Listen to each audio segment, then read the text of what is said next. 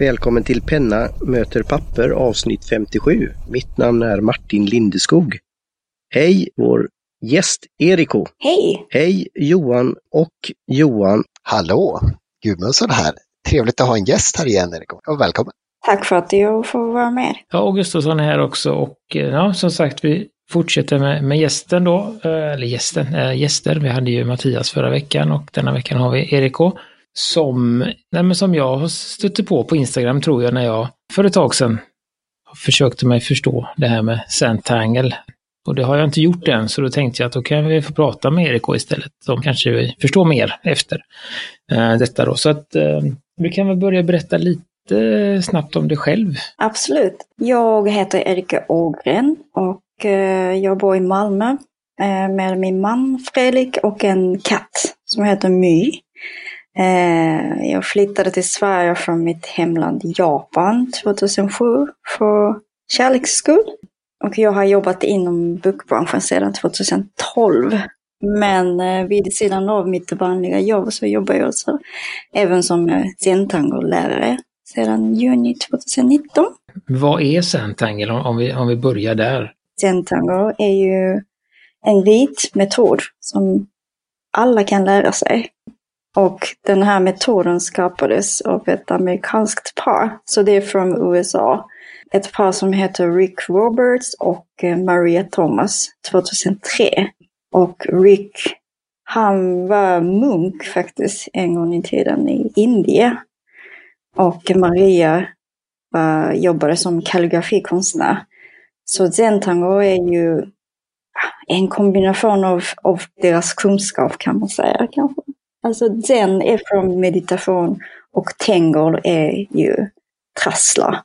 Så att ehm, ja, det är en kombination. Men ehm, ja, det är ritmetod, fast jag anser inte zentango som en konst faktiskt. Det, det är ett sätt att koppla av genom ritning. Men det finns många konstnär som eh, ritar zentangoverk och sen göra utställningar och sånt. Men för mig är det inte konst alls. För jag kan inte rita till exempel någon figur eller något sånt. Och eh, jag kan bara zentango kan man säga. Jag är en instruktör till det, den metoden. Ja.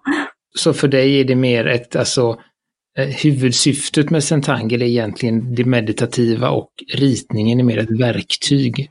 Ja, precis. Jag brukar säga att eh, med Centango är det viktigaste processen, inte resultatet. Så överdrivet sett så kan man säga att det som jag har, jag har ritat, jag kan slänga det direkt. För att den här processen har gått igenom och sen that's it. Så, men det gör jag inte. Hur länge har du, har du hållit på med Centangel? Eh, jag började Centangel 2016. Men sen blev jag fastnat ordentligt för det 2017. Så det har jag, jag har ritat Centangel sedan fyra år kan man säga. Fyra, ja ungefär. Du har, har ju nämnt det att, att, du, att du lär ut och så, och vad jag har förstått så, så är du också en certifierad tränare. Vad var det som gjorde att, att du liksom bestämde dig för, för just den övergången där från att ha fastnat och använt det som, som avkoppling till att bli certifierad och börja lära ut? Vad, hur gick det till? Jag eh, upptäckte Zentango genom bullet journaling, alltså bullet journal. Och jag älskade verkligen att rita sånt mönster. Jag var så dåligt att rita, men sen, precis som Zentango nu, bara det var väldigt eh, avkoppling för mig. Så jag gjorde det och sen fick jag förfrågan från eh, en Facebookgrupp som heter Bujo Skåne, Ballet Journaling Skåne och eh, Tid för Mera, alltså online shop.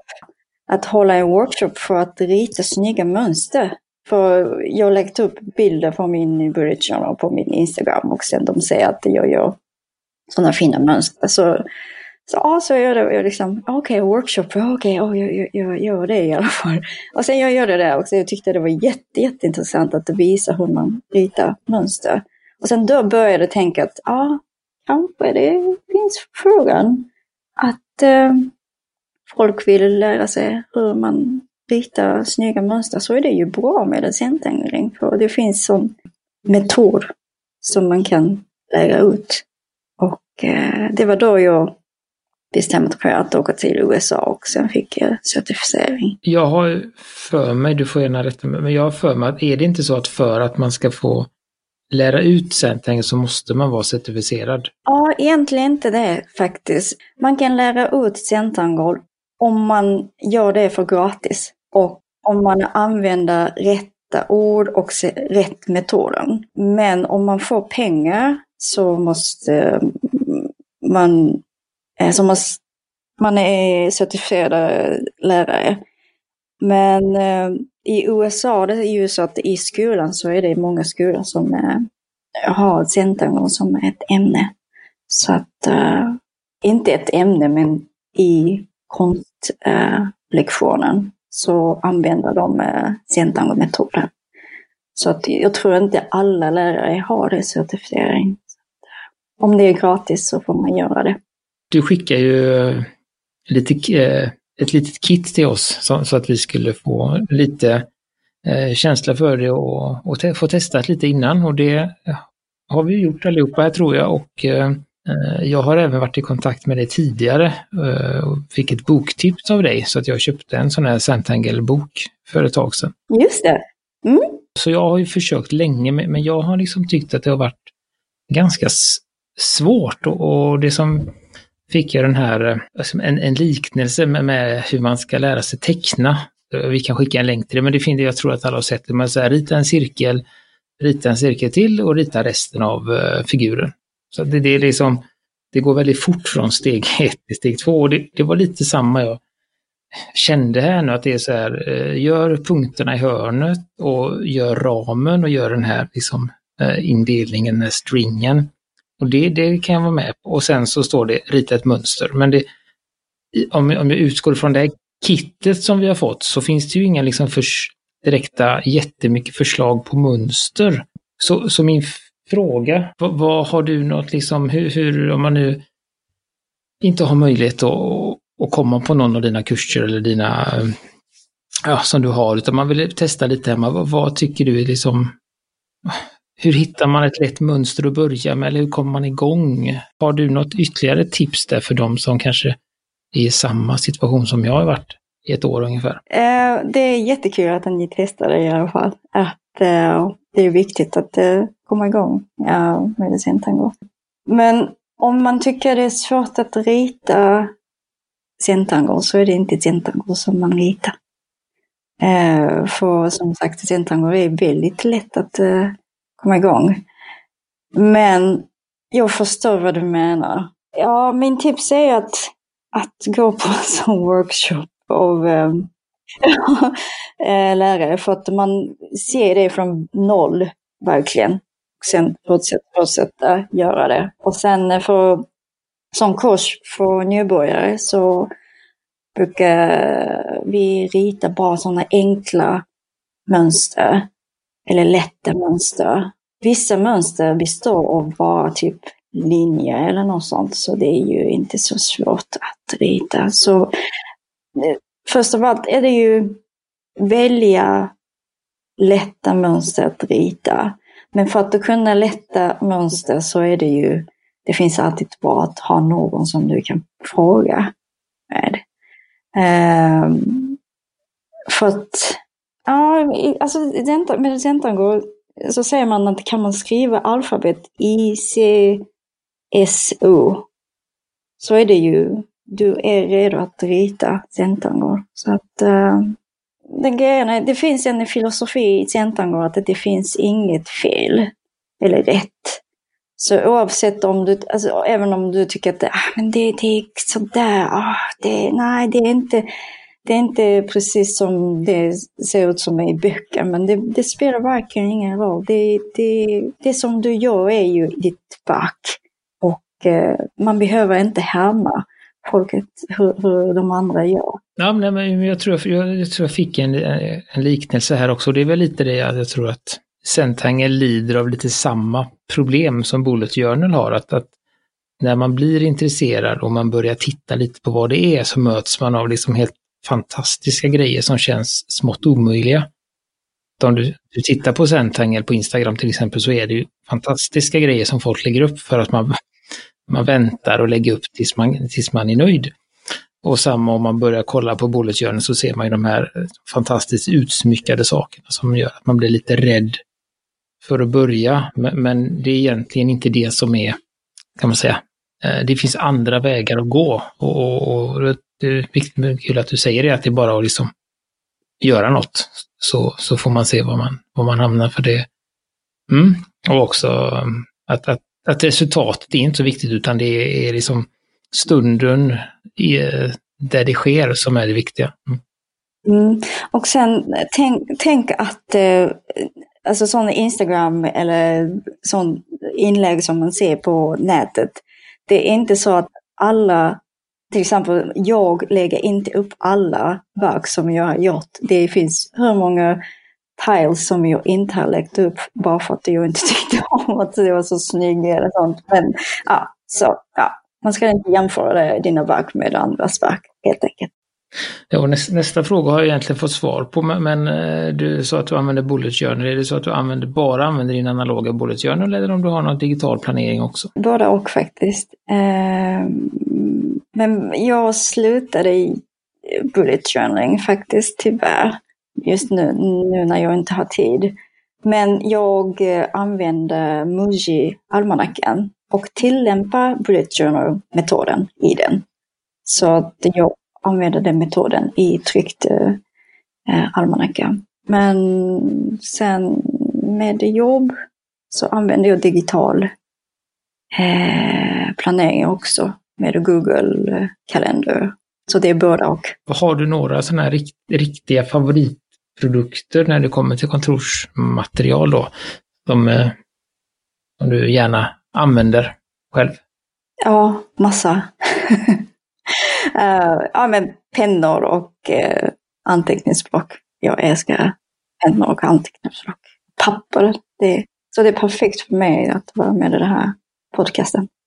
Erik, du skickade ju lite ett mejl här innan här sändning eh, om lite roliga pennor och grejer och även då, jag måste sticka in det här nu direkt för jag fick ju sån här tanke.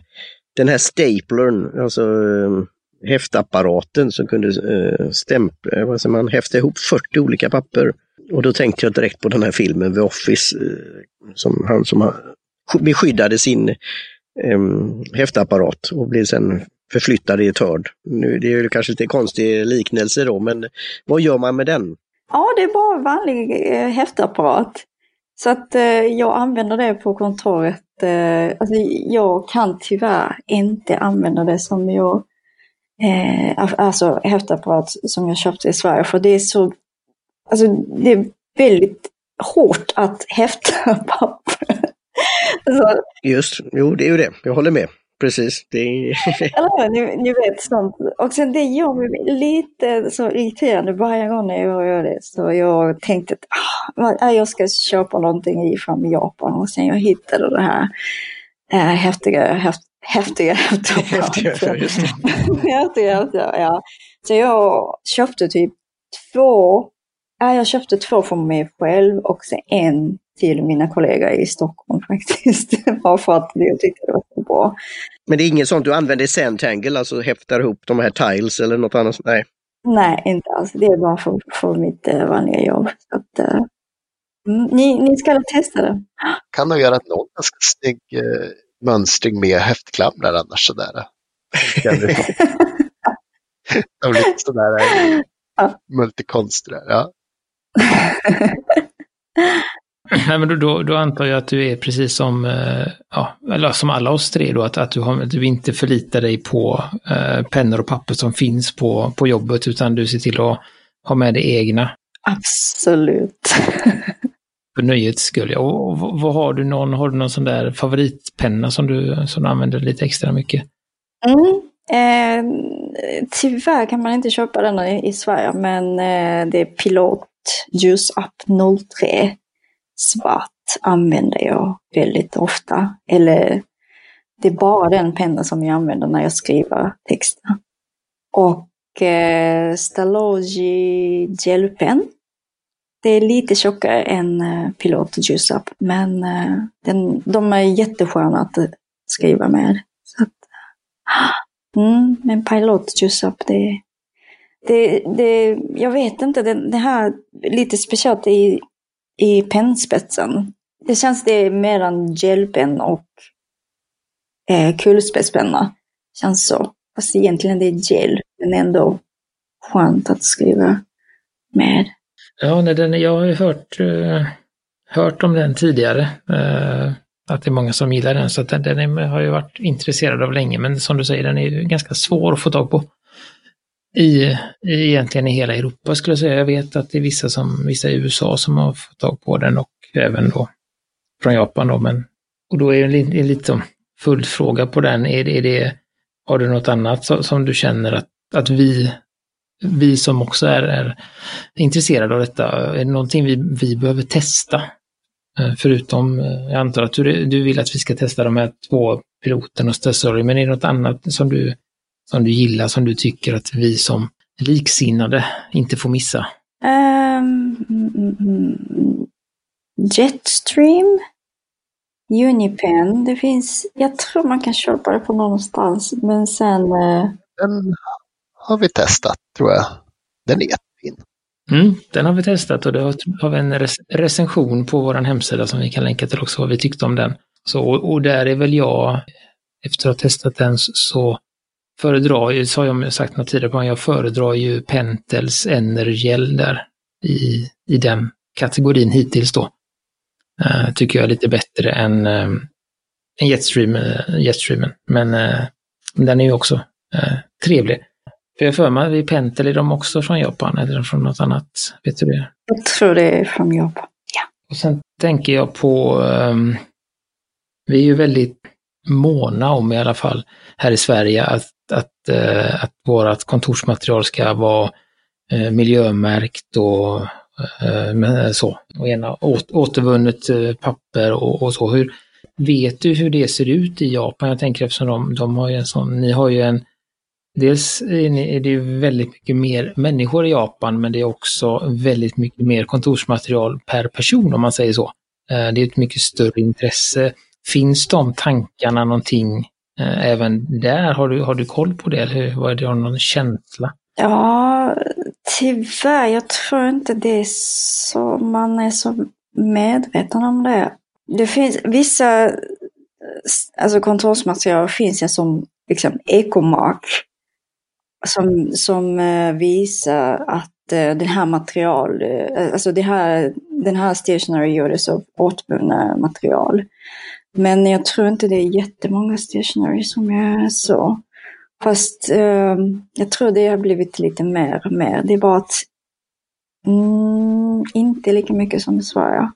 Men en, en kontorsmaterial som jag har kommit på när det gäller sånt eh, miljövänliga kontorsmaterial är återigen häftapparat.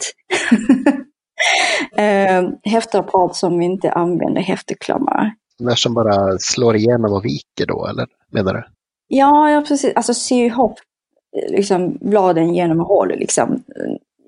Alltså det är svårt att förklara på svenska, men eh, ni vet vad. Ja, jag har sett en sån till det.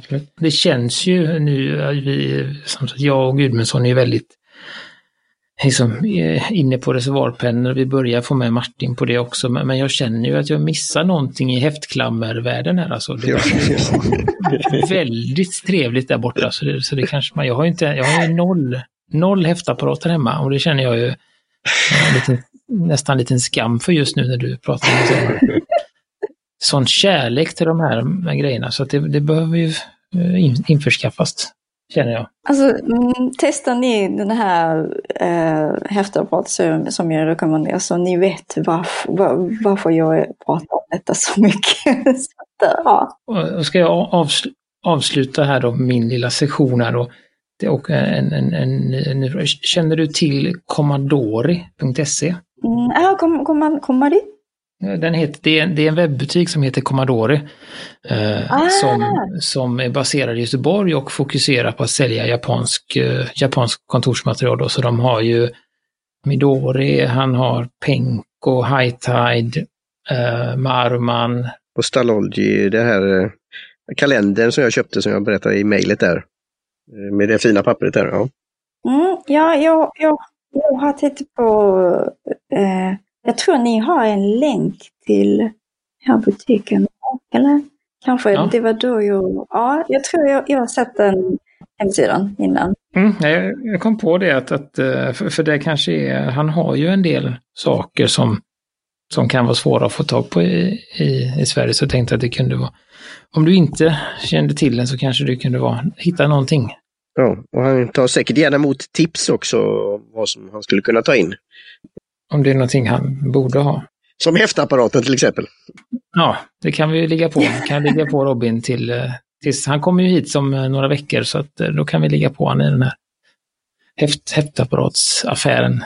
Ja, vad kul. Så att, ja, nej men jag känner mig nöjd där och lämnar över till Gudmundsson som har lite, lite ytterligare frågor. Ja, men precis. Jag har väl suttit och lyssnat men inte velat hoppa in för mycket för jag brukar alltid avbryta så att det blir, blir svårt att klippa ihop. Det är väl våran, normala arbetssätt så att säga.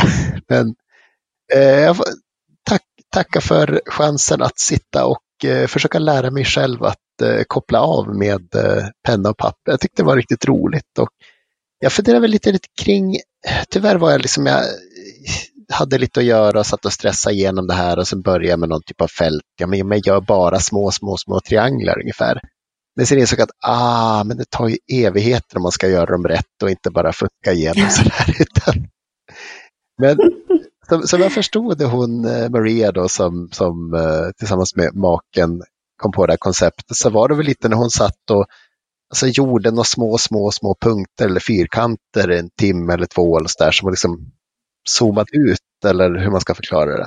Är det just det här liksom repetitiva som är eh, målet, liksom det man ska sträva efter för att liksom frigöra tankarna till annat? Eller hur ska man? Ja, för vissa människor kanske, alltså vissa är ju den här repetitiv eh, ritning är det som man kan koppla av. Fast vissa, jag är sånt, alltså bara att rita linjer, samma linjen om och om, om liksom. Jag kan hålla på och göra det på en eller två timmar.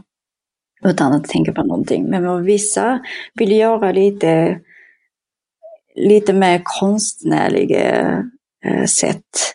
Och sen kanske det, för dem är det ju eh, deras sätt att koppla av genom sin tangoning. Så det, det är upp till eh, dem som ritar kanske. Ja, det var det man får testa sig fram helt enkelt om jag, om jag förstod.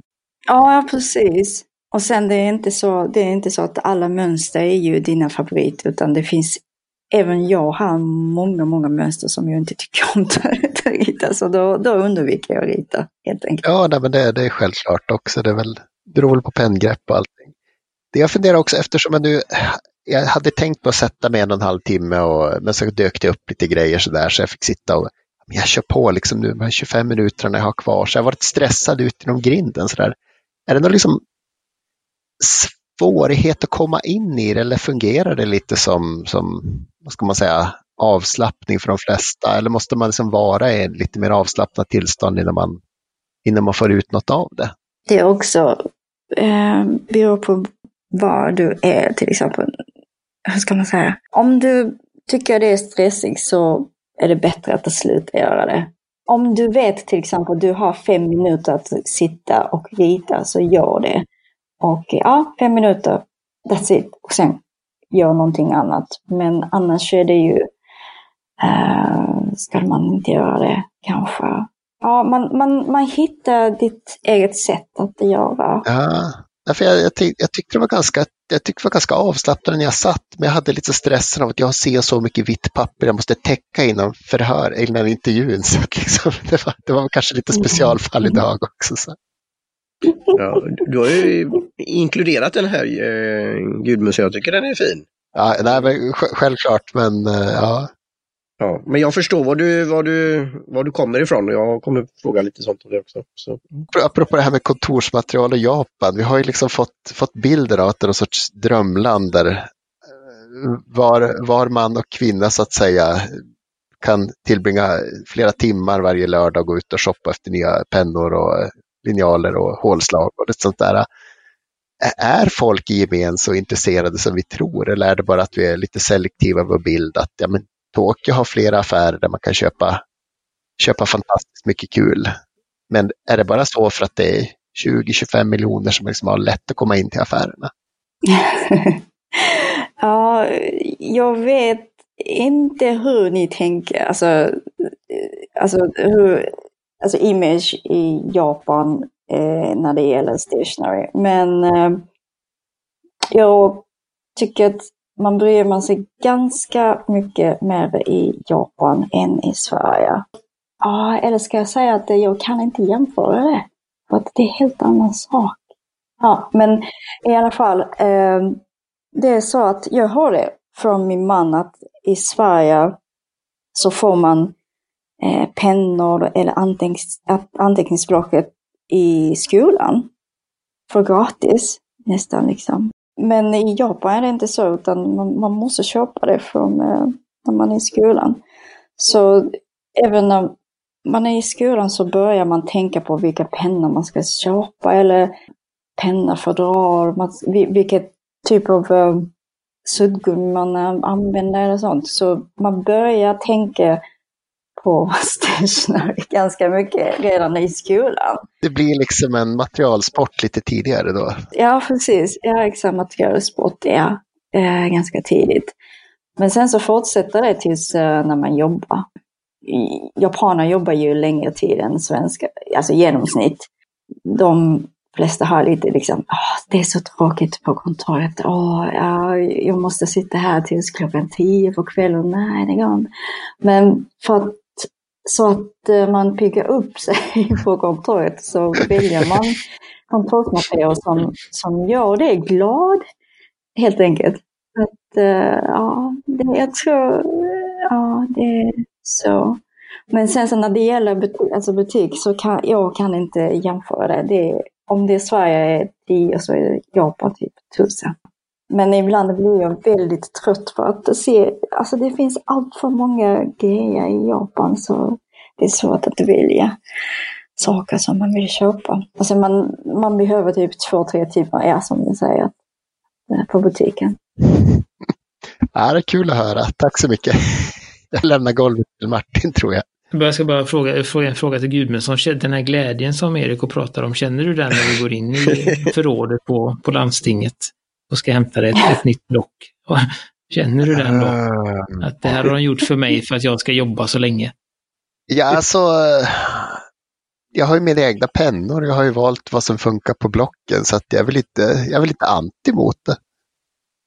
Plus att jag insåg att det skulle bli lite dyrt om man skulle köra, alltså beställa från, från Holland mina rådiga, rådiga pads. Jag skulle gå igenom ganska många per månad tror jag. Så att jag är ganska nöjd att få sånt av, av chefen. Och som sagt, eh, käns känslorna på jobbet gör ju inte att jag har någonting emot att banka på den där häft, eller vad heter det, häft, häftapparaten. Så, så att den fungerar, i alla fall på arbetet, den jag är tilldelad. Det, det kommer bli ett meme här nu. Vi kommer göra, starta en, en rörelse. Mm. Häftig häftapparat. Du tänker att, att, att anledningen till att, att de svenska häftapparaterna är så tröga är mer än en sån där anger management. Liksom, för att eh, vi, vi behöver den korta bursten, liksom lite då och då. Jag skulle tro att vi ofta haft så här cellkontor och sen postrummet som har liksom väggar som kan absorbera smällen. Då kan det vara gynnsamt för frustrationen när man häftar 25 papper. Liksom, tänker Ah. Men jobbar man mer i ett mm. litet öppet kontorslandskap så kanske det stör och, och skapar liksom en stressig stämning. Ja, då ska jag försöka göra en övergång här då. Och jag fick en aha-upplevelse eftersom jag köpte från Commodore ett, bland annat ett suddgum från Stalodgy. Och det var ju en väldigt eh, känsla att, att sudda med det. Just eh, att det tog bort det det skulle göra men pappret gick inte sönder heller. Utan det, så bara en sån sak. Ehm, att man kan hitta ett, då, ett suddgubb som funkar att sudda men, men inte då förstör pappret. Det, det var lite, lite roligt. Eh, och du skickade ju det här lilla fina kittet då, eh, som var de här tiles och det var några pennor. Skulle du kunna berätta lite mer om det? Och även då, för det var ju jättetrevlig surprise där. Även då om du, vad du anser om det är någon skillnad på sandtangling och doodling. Ja, det är som kit som ni fick, eh, alltså sådana starterkit. Det, det består av alla material som du behöver att börja sandtangling. Vi använder Sakura Pigma Micro, eller Micro Pigma 01 eller 03, 05, 08. Eh, för Sakura är ju officiellt varumärke för simtangor kan man säga. Det, vi använder det här penna. Eh, och vi använder även en eh, blyspenna. Eh, och också en någonting som heter trotion på eh, franska. Fast det är på svenska heter man stomp, stompa stompa eh, för skuggning. Och eh, ja, papper vi kallar en tile som eh, gjordes till eh, speciellt för centangling.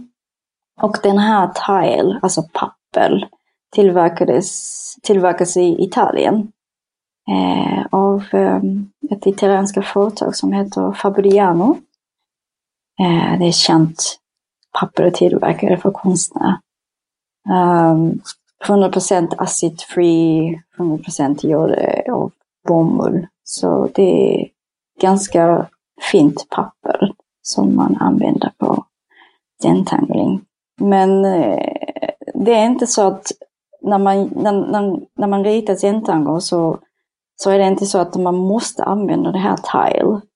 Utan man kan rita ut mönster i sketchböcker eller anteckningsblocket eller sånt. Eller bara få vanligt papper, så det går absolut fine. Det är bara att med den här tile så är det ju lätt att rotera tilen hela tiden. Så att eh, det blir mycket lättare att rita. Så man får de här mönstren då. Du, du hade ju ett fint visitkort där till exempel och även du skickade med, det var en liten notering där då. Det var ju ett sånt där mönster på baksidan. Ja, precis. Eh, och sen eh, den här pappret är inte så platta utan det är lite bump, vad ska man säga, det är bumpy. Grängel, får sån där, ja. Titta vad jag har lärt mig. Grovt mycket gränger. Mm. Okej. Okay. Ja, det är för att eh, det är så att man inte ritar för fort. Ja, men som sagt, man kan ju rita i tentangon, absolut, i sketchboken eller vanligt papper.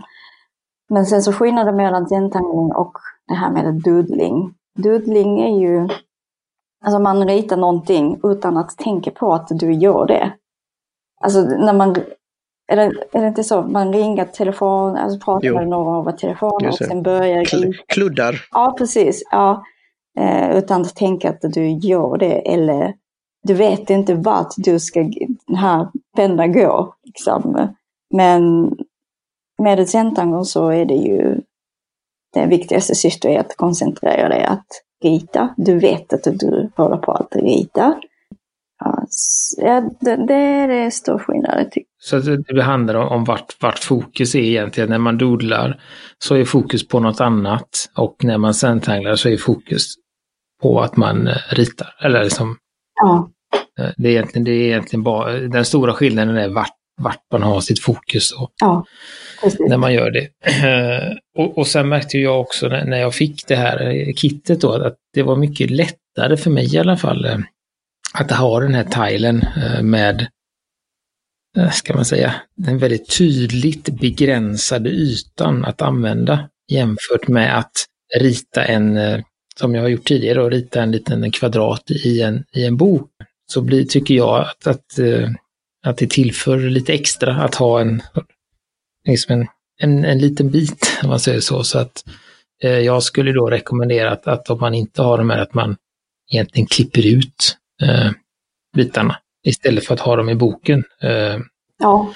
Skulle jag säga, just, just för att jag tyckte att det blev något, något, det var lättare för mig att fokusera på det när man har den här lilla biten då framför sig. Det är bra tips, ja. Ja, jättebra po poäng och det är väl det jag känner då både det har vi diskuterat med Bullet Journey, att jag har haft trösklar för det att komma in i det.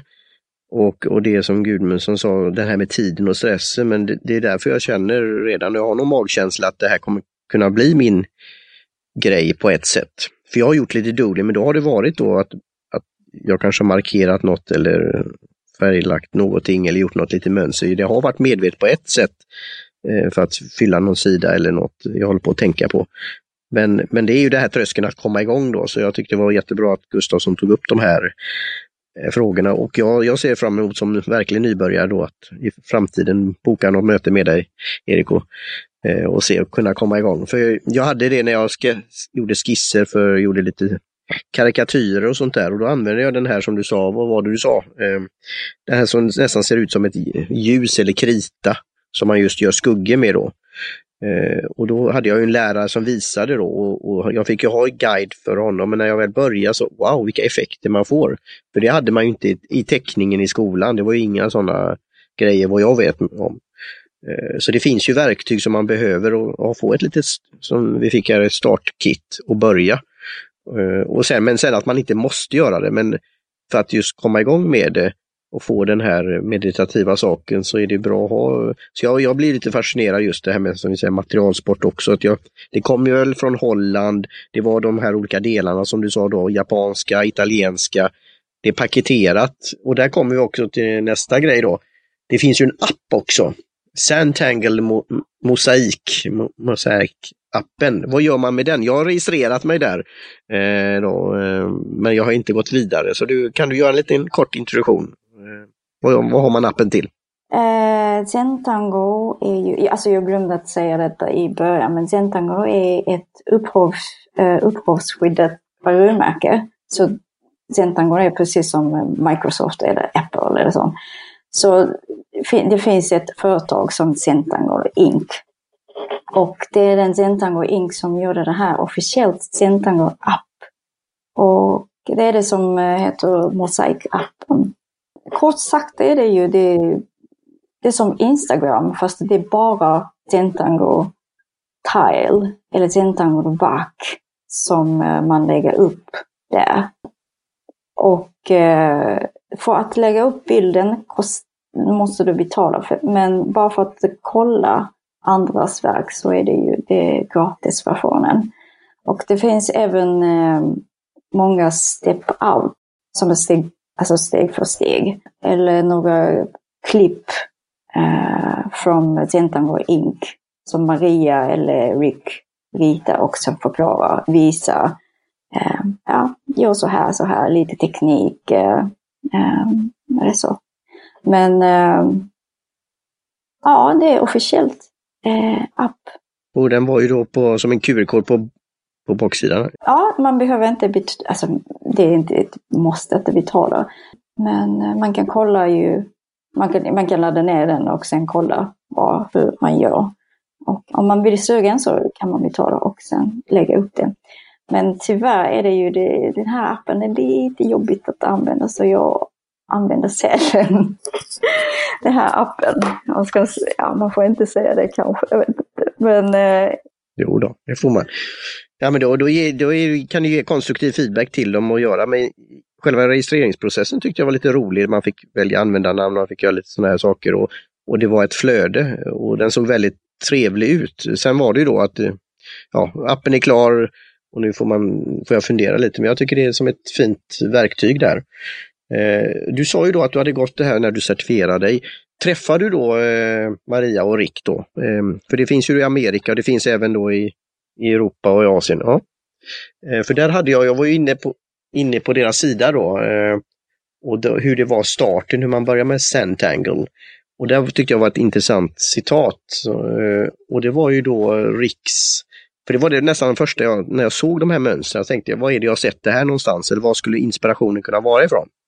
Och det är ju från de här Fibonacci-talen och de här spiralstrukturerna som du ser i naturen som till exempel en snäcka och sådana här saker. Och han nämnde ju då att han hade använt det när han gjorde, tradade, handlade med olika råvaror och så här då och gjorde en teknisk analys. För det finns ju en sån metod då, eh, olika vågformationer och sådär. Så jag, jag tyckte det var lite roligt att läsa, så det är mer som en, en kommentar då. Att sådana som eh, intresserar av sån eh, mönster olika snitt och sånt där i naturen kanske kan tycka detta är lite intressant då. Så ja. Och just det, om man träffar dem någon gång, har du frågat, alltså, det stod det, när man träffar Rick och Maria så vet man vem som är vem. Det här när det var Tangle och eh, så, att de hör ihop. Så det, jag tyckte det var trevligt skrivet på, på webbplatsen. I de här stegen då, eh, mellan steg 1 och steg 8 så nämner man det här att man ska ha eh, tacksamhet och uppskattning. Skulle du kunna eh, ja, lägga ut det lite texten på det och lite funderingar på det? Du, när du börjar, för det kan ju vara det lite tips för eh, Gudmusen och även för mig själv då, när man just att känna det här, att komma över det, att just ha den här tiden och, och sen även eh, ja, när man gjort det här då. Eh, ja, precis. Det finns eh, åtta steg i Zentango som man ska följa när man gör Zentango. Men det är inte så att man måste följa varje steg utan man kan hoppa över några grejer också. Till exempel skuggning kan man hoppa över om man inte vill göra skuggning. Ja, men i alla fall, den, den första steget är tacksamhet eller koncentration. I alla fall i min workshop så säger jag att ja, man ska vara tacksam för den här tiden. Och man ska vara tack, tacksam för alla material som finns framför oss. Uh, ja. Men det, det, om jag säger detta för mycket så blir det lite som uh, kult. eller, mm. Uh, jag förstår vad du menar. Lite, så. Men det är lite som, vad heter hon som gör de här, sorterar, vad heter den metoden? KonMari? KonMari, KonMari, ja. Ja, just det, när man ska slänga saker eller, eller lämna så har man ju lite ritual då. Så, här, så det, det, kan ju vara lite tänkvärt i alla fall. Så ja, fortsätt. Så jag säger i alla fall så att eh, man ska inte glömma att alltså, de här grejerna är ju ett, eh, inte för, man, man, ska inte få ta för givet eh, utan ja, ja, man ska vara tacksam för. Men vissa lärare säger att och du kan vara tacksam för dig själv att du har bestämt dig för att komma hit för att lära sig tentango. Liksom. Eller så. Och sen vissa gör eh, lite övning, alltså andas in, andas ut och sen ja, vi ska koppla av och sen man ska vara tacksam för det den här tiden, bla bla bla. Ja, så det, det är faktiskt bra att börja med, med det sånt. Sitta och tänka bara ett tag. Liksom. Och sen, okej, okay, jag ska börja koncentrera mig att rita. Men sen eh, går jag igenom eh, steget 2, 3, 4, 5, 6, 7 och sen den sista steget appreciate again. Det finns ett sätt att göra detta. Eller mitt sätt eller de andra sätt också. Men man ska, man ska hålla ditt tile, det som du precis har ritat, lite på distans. Alltså hålla din tile lite långt bort från dig. Och sen se det, tilen. Så den ser lite annorlunda ut faktiskt. Än det som du ser nära. Så då ser det lite annorlunda ut. Och sen tänker du att, aha, är det du som, är det jag som har ritat detta? Ah, okej, okay. oh, vad fint. Oh, jag, jag har gjort detta ganska fint, så ja, jag är tacksam för den här tiden och eh, ja, det var, det var fin upplevelse. Alltså man, man kan gå igenom sådana saker genom att bara titta på en tile. Så, och sen, jag brukar avsluta med det där och eh, Eh, i slutet av kursen eller workshopen så, så sammanlägger alla tile i, på ett bord och sen gör en lite större bild som, som vi kallar en mosaik då kan man se också att oh, gud vad det är jättefint att vi gör allt det, detta ihop tillsammans. Och eh, åh oh, jag trodde det här gjorde lite fel, men jag ser inte det nu när jag ser i, den här helheten. Så sådana processer, sådana eh, massa tankar, det kan gå igenom i huvudet och sen det, det, det är någonting som man kan eh, göra det som appreciation, tycker jag flika in lite där. Jag, jag, märkte faktiskt det när jag gjorde min, eh, min and. Jag gjorde en som jag, som, som jag la ut på, på Instagram och sen gjorde jag en till någon dag senare då. Och då märkte jag att när jag satt och liksom fokuserade så var jag inte, då var det verkligen eh, inte alls nöjd med en av liksom, delarna. Den såg liksom helt förfärlig ut tyckte jag. Men sen när jag hade, eh, och då hade jag inte gjort, då gjorde jag inte den här liksom uppskattningen på slutet utan då, då var jag klar och så gick jag iväg. Men när jag kom tillbaka sen då såg jag att ja, det är ju inte fantastiskt men det är ju inte förskräckligt heller. Eh, utan då såg jag det på ett lite annat sätt och då att jag hade gett mig på ett mönster som var lite för svårt för mig helt enkelt. Och det var inte allt så, men så, så att jag, jag kan förstå den, eh, det steget att man, att säga att man ser det från ett litet annat håll. För att se man och eh, man kan också se att, att vissa mönster, att man, väldigt många mönster kan man ju se på olika sätt. Alltså om man nu, om man gör en skuggning så kan man, när man tittar på den första gången så kan man uppfatta att skuggningen är under, men sen om man tittar på det igen så ser man att oj, men den kan ju faktiskt vara så att den hamnar över och att saker liksom vänder på sig på något sätt. Så, så det, det... Ja, precis. Och sen eh, om man tycker om man tycker att oh, jag har gjort fel, oh, jag ska inte göra detta så här, men jag gör det, oh, vad ska jag göra? Då kan man sätta den här tilen vid sidan av eller på något annat ställe på bordet eller sånt. Och sen, precis som du säger, att du, du, kan, du kan komma tillbaks till den tile typ en eller två dagar efter och sen kolla det igen. Ja, men jag, jag, jag, jag tyckte att jag gjorde fel i detta, men kanske detta kan göra någonting annat. Så att som jag tidigare sagt finns det inget fel i centangling. Men det finns oväntat saker som kan hända. Absolut. Men då ser man den här oväntat saker som en eh, ny chans att göra någonting annat. Så eh, man ser det väldigt tydligt. Om man ser det typ två, tre timmar efter, två, tre dagar efter det verk som du tidigare ritat. Så att eh, det är bra tips att inte ge upp utan bara ha en paus från den tilen om du inte är nöjd. Och sen, ja. och sen komma tillbaks. För ingen stress, ingen brådska. Det finns ingen som säger att du måste göra detta nu. Så. Jättebra perspektiv. Jag har några avslutande saker här, sen kanske Johan och Johan har något ytterligare. Dricker du te när du eh, håller på med Zentangle? Absolut. jag dricker inte kaffe, så eh, jag dricker te just nu också, men det är te eller vin som gäller när jag Zentangle. Måste bara ta, ta en följdfråga där, även om det är fel podd, men Va, eh, eftersom du fixar allt ditt kontorsmaterial från Japan, är det så att du ser till att få, få teet därifrån också eller nöjer du dig med det som utbudet som vi har i, i Malmö med eh, omnejd? Ja, det, det är både och. alltså svart te köper jag här, typ Earl Grey eller sånt som vanligt te. Men eh, jag älskar te som heter Mugicha på japanska. Eh, wheat tea på engelska. Wheat, alltså som gör det som vete. Det köper jag från Japan. Och grönt te köper jag från Japan. Och oolong-te också köper jag från Japan. Men de andra te köper jag här i Sverige.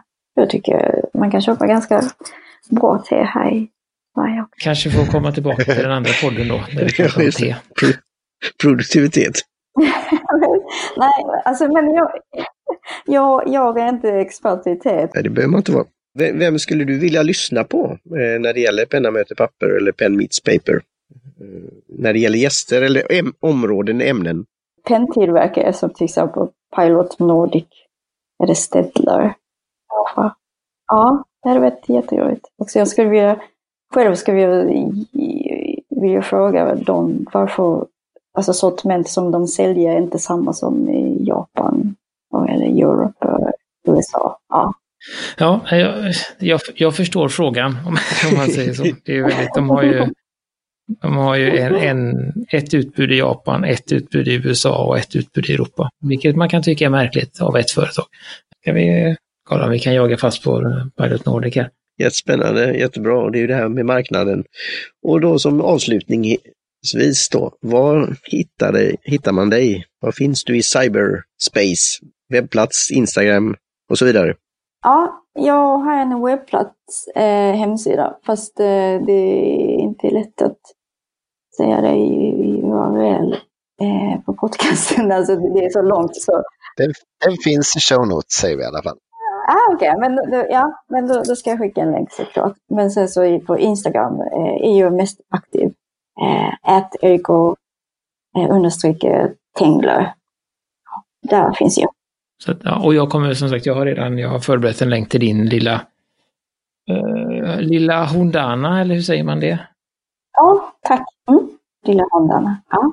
Eh, och det kommer även en länk till din, eh, den Tangler eh, profilen på Instagram. Så det, det, det kommer dyka upp både i, i poddapparna och på, på vår hemsida när, när, när det är släppt, när ni hör detta. Mm, tack så jättemycket. Tack så mycket Eriko. Tack själv. tack själv. Tack för att jag fick vara med. Tack för idag. Intressant och mycket trevligt. Ja, men då fortsätter vi på samma tema och tacka, tackar er som har lyssnat och, och Jim Johnson för, för jingel och, och, lite sånt och så tackar vi för oss och så hörs vi om ett tag igen helt enkelt.